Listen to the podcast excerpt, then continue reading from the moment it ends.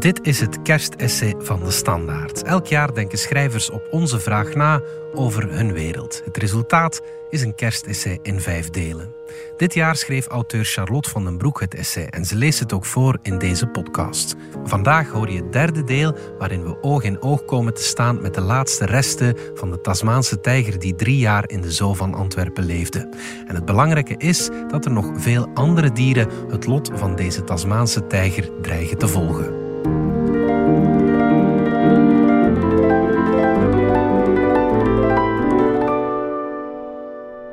De curator Gewervelde gaat me voor op de monumentale rode trap in het torengebouw van het Natuurhistorische Museum in Brussel. Marbre rouge royal, zegt hij. De steen is doorbloed met donker kersenrode en grijsroze kleuren. Doorregen met blauwe calcietaders en witgevlamde afdrukken van fossiele sponsen. Het marmer lijkt haast te pulseren, alsof iets er een hartslag doorjaagt. Het voelt alsof ik me door de binnenkant van een lichaam beweeg, in plaats van door de trappenhal van een gebouw dat zichzelf eindeloos de hoogte in lijkt te slingeren. Hoeveel verdiepingen zijn er eigenlijk? Vraag ik in een lichte duizeling. Moeilijk te zeggen, antwoordt de curator, die me in het passeren van een liftingang wijst op een strookje lichtere steen waarin een code staat ingewerkt. we zijn nu op de elfde verdieping, stel ik vast afgaande op de inkerving. Ik ben niet helemaal zeker. Ik denk op plus 7. De codes komen namelijk niet overeen met de huidige indeling van de etages. Niet alleen lopen de verdiepingen door elkaar, ook blijkt het torengebouw in wezen te bestaan uit twee aan elkaar grenzende torens, waarvan de voorste de bewaarplaatsen voor de collecties huisvest, terwijl zich in de achterste toren de kantoren en laboratoria bevinden. De labyrinthische verwarring lijkt de curator echter geen parten te spelen. Hij begeeft zich intuïtief door het gebouw, alsof er routes opgeslagen liggen in zijn spiergeheugen.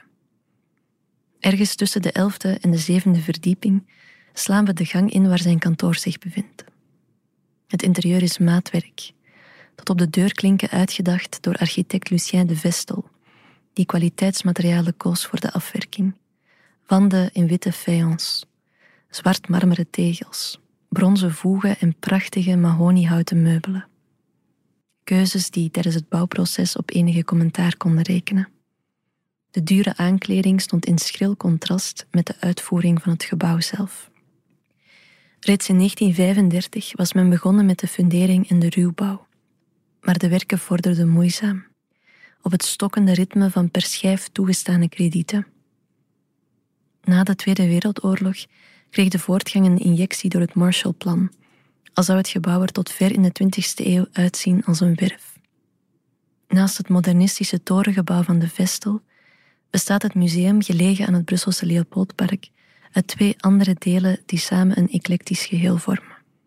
Het oudste gebouw in neo-Romaanse stijl, begonnen in 1857, was oorspronkelijk voorzien als klooster voor de Redemptoristinnen, of de Rode Nonnen, zoals ze genoemd worden door de kenmerkende kleur van hun habit.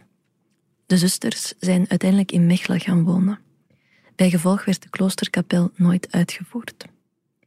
Na enkele mislukte herbestemmingen kwam het gebouw in handen van de Belgische staat die er de collecties van het Koninklijk Natuurhistorische Museum onderbracht.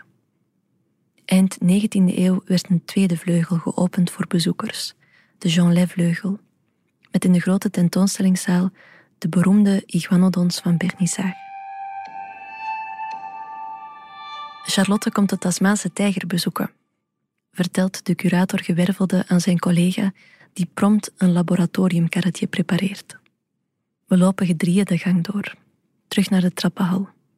Stappen daar in de lift van de achterste toren om vervolgens enkele verdiepingen lager een nieuwe gang in te slaan die als twee druppels water lijkt op de gang waarin we ons net bevonden maar dan met een indringende geur.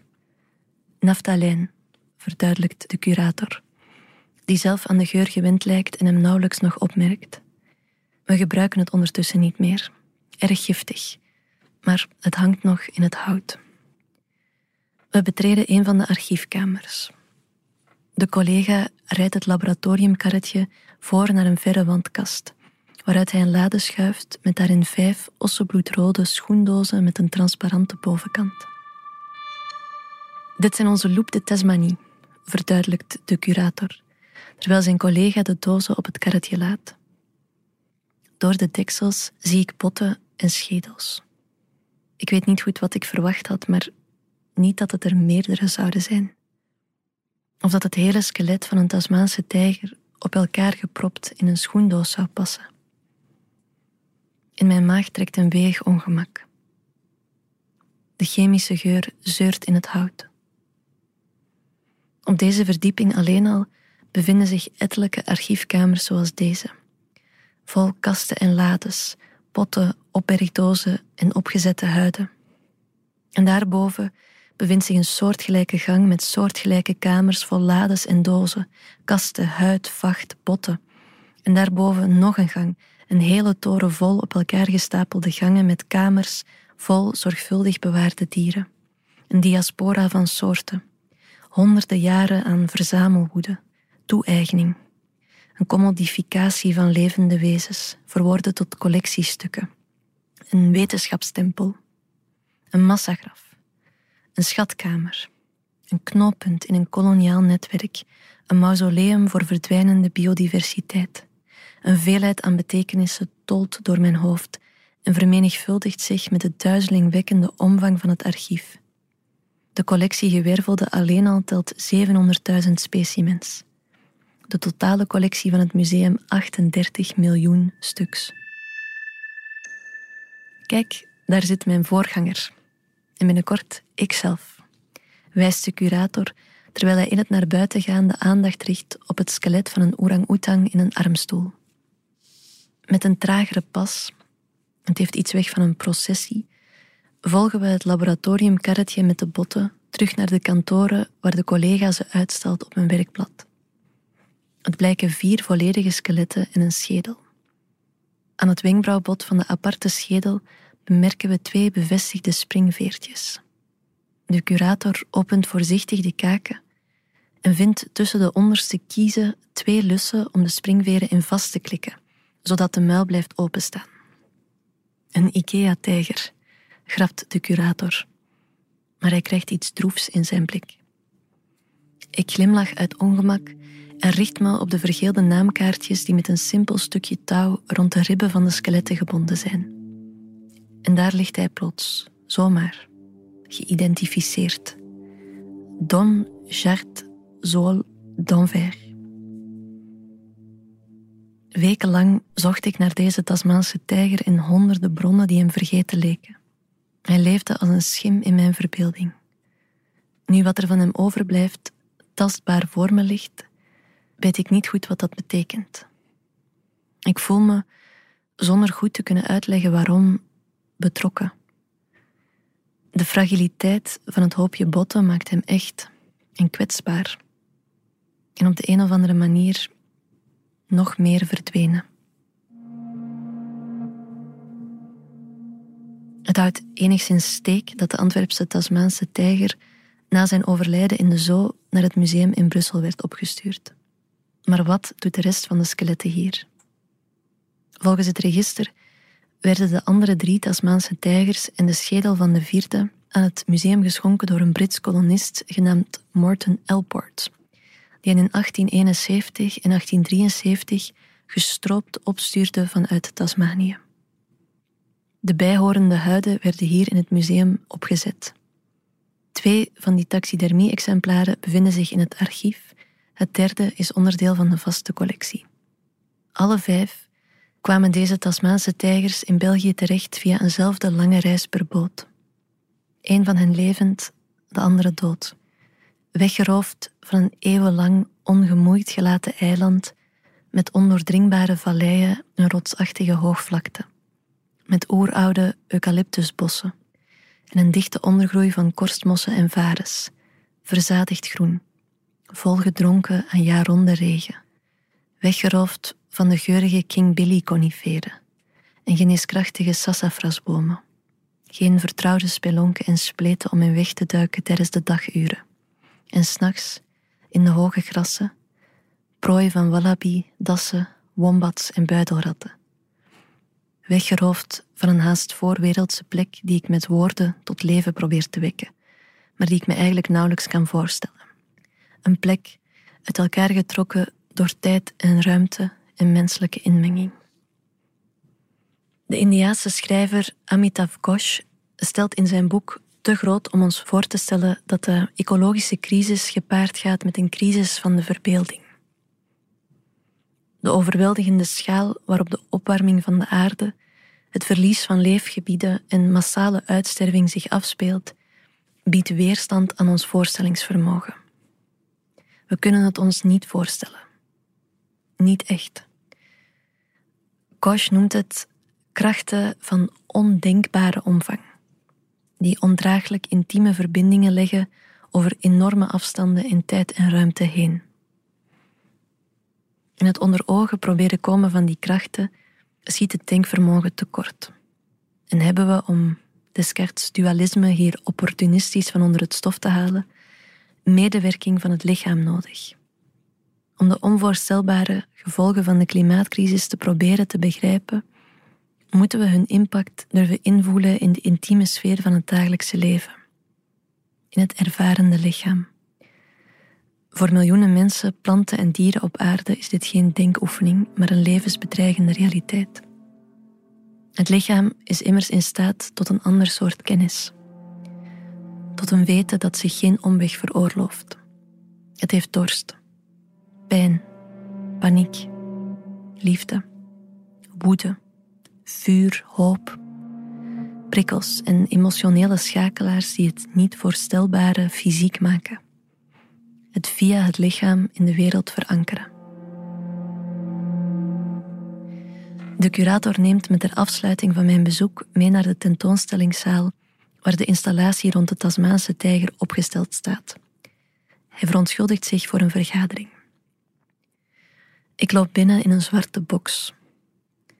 Schrik van het licht met bewegingssensor dat aanspringt en de vitrine zichtbaar maakt waarachter een opgezette Tasmaanse tijger verschijnt. Het dier ziet er iets wat ongemakkelijk uit. Verschrikt. Heel anders dan op historische foto's. Zijn stijve, kangoeroeachtige staart hangt verkeerdelijk in een plooi gevrongen naar beneden en het puntje ontbreekt. Zonder de kenmerkende tijgerstrepen op zijn rug zou het evengoed een straathond kunnen zijn. Ik bedenk me dat het goed mogelijk is dat de toenmalige taxidermist in de jaren 1870 nooit een Tasmaanse tijger in leven heeft gezien, omdat hij bij de toegestuurde huid zelf nog het postuur moest verzinnen. Of hij kon zich enkel baseren op natuurhistorische tekeningen. Naast de vitrine hangt een portret van Morton Elport, de man die buidelwolven weggaf. Hij is voornaam gekleed en heeft een eigenaardige, iets wat schele blik in zijn ogen. Een begeleidende biografische tekst roemt hem vanwege zijn ongewone geschenken. Op voortreffelijke wijze was hij zowel wetenschappelijk als artistiek actief. Martin Elport was advocaat en pionier van de fotografie. Deze onvermoeibare natuurwandelaar was een uitstekend bioloog en lid van wetenschappelijke genootschappen, waaronder de Koninklijke Belgische Malacologische, Botanische en Entomologische verenigingen. Martin Elport lijkt te beschikken over een indrukwekkend palmares en een brede interesse, die afgaande op zijn vele lidmaatschappen niet alleen de Tasmaanse tijger, maar ook het domein van de mollusken, insecten en planten besloeg. Een duik in de beschikbare biografische gegevens leert mij echter dat Morten Elport als actief lid van het Belgische natuurhistorische verenigingsleven vreemd genoeg nooit een voet in België heeft gezet. Zijn ouders emigreerden in 1830 vanuit het Verenigd Koninkrijk naar Lutruwita, Tasmanië, toen hij acht maanden oud was. Hij zou zijn hele leven op het eiland doorbrengen. Naast informatiebordjes over de strooppremie bevat de museuminstallatie ook een filmpje. The Last Captive Thylacine. Toont 77 kostbare seconden lang de laatste Tasmaanse tijger in zijn kooi in Beaumaris Hobart. De Australische bioloog David Flea maakte opname in december 1933. Hij is net afgestudeerd en wil zich inzetten voor de conservatie van bedreigde diersoorten. Een bewustzijn dat rond die tijd stilaan ingang begint te vinden in de wetenschap. Flea positioneert zichzelf en de camera in de kooi en verdwijnt onder een donker gordijn om scherp te stellen. Hij maakt een close-up van de verlegen Tasmaanse tijger, die zijn ogen even vertrouwelijk dichtknijpt naar de camera en vervolgens schreeuwt. In een tweede shot staat hij tegen de omheining gedrukt terwijl hij zijn kop verward op en neer beweegt. Daarna ligt hij op zijn zij met uitgestrekte poten, als een hond die voor dood speelt. Tot hij wordt opgeschrikt en zichzelf met schijnbaar grote moeite rechtop weet te zetten. In het volgende frontale shot geeft hij nogmaals. Zijn indrukwekkende gaap ziet er levensgevaarlijk uit, maar het dier zelf lijkt vooral slaperig. De camera volgt de beweging van de Tasmaanse tijger, die een uitgestippeld patroon van overlappende cirkels lijkt te lopen in zijn kooi. Dan staat hij even stil om zich te krabben met zijn linkerachterpoot. Hij gaat zitten op de betonnen ondergrond, weer op zijn zij liggen, begint opnieuw rusteloos heen en weer te lopen. David Flea zal aan de opnames een levenslang litteken overhouden.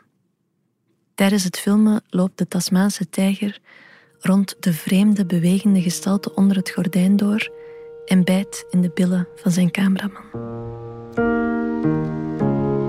Dit was het derde deel van het kerstessay van Charlotte van den Broek. In onze app of op je favoriete podcastplatform vind je ook de essays die Michael van Peel, Tineke Beekman en Damiaan de Nis afgelopen jaren al voor ons schreven en inlazen.